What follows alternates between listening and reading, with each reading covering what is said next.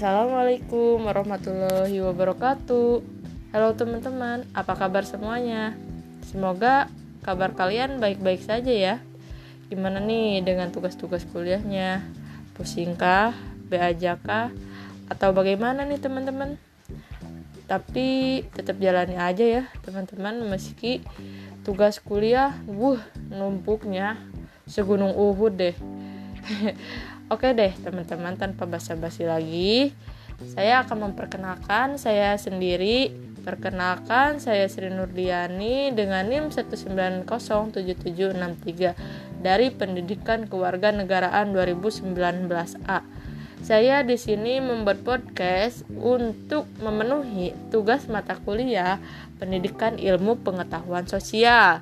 Dan juga saya di sini akan menjelaskan materi dari kelompok 15 nih yang beranggotakan Erli Aprilia dan saya sendiri.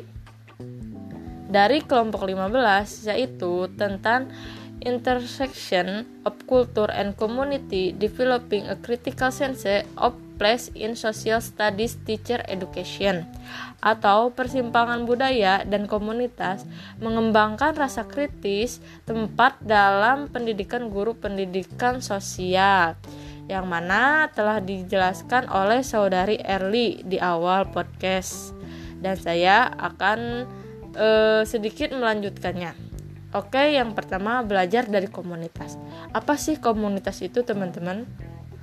Ya, komunitas adalah sebuah kelompok sosial dari beberapa organisme yang berbagai lingkungan umumnya memiliki ketertarikan dan habitat yang sama. Dari si penulis menjelaskan pengalaman belajar dari Wayneland Park dari belajar komunitas yaitu membahas bagaimana dengan lingkungan dan penduduk untuk dengan bertemu dengan perwakilan dari organisasi perumahan lainnya dan sangkut pautnya dengan calon para guru yaitu calon para guru tidak hanya belajar tentang investasi dan pembangunan proyek saja akan tetapi tentang bagaimana ras dan latar belakangnya memengaruhi, memengaruhi apa yang dilakukan dan tidak merasa nyaman dibicarakan, digaungkan oleh orang yang lainnya atau peserta lainnya.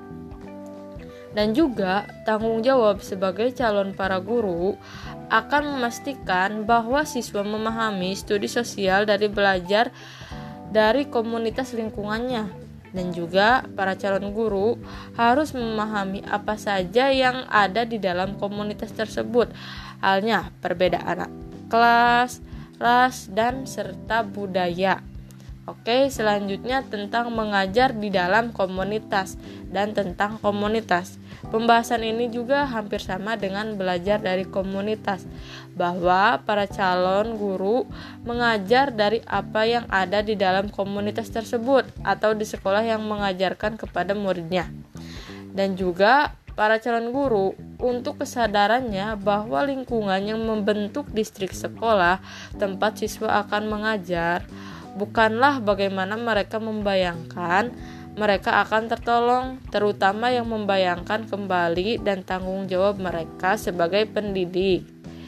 Dan pembahasan yang terakhir yaitu implikasi untuk pendidikan guru sosial abad 21 yaitu memberi calon guru kesempatan untuk bertemu dan belajar dari orang tua dan pemimpin di komunitas yang mengirimkan siswa ke ruangan kelas tempat mereka akan mengajar siswa terbukti menjadi pengalaman belajar yang kuat bagi peserta.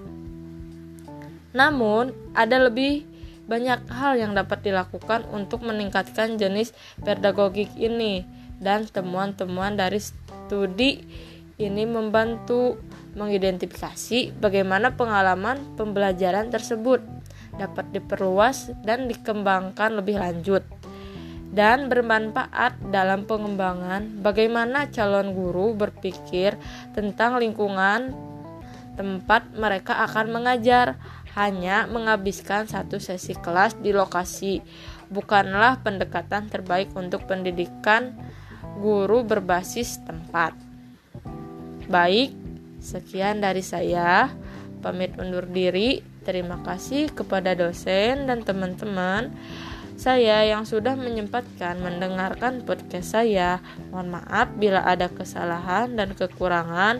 Apabila dari teman-teman ada yang kurang mengerti, boleh langsung bertanya saja. Sekian dari saya. Wassalamualaikum warahmatullahi wabarakatuh. Thank you.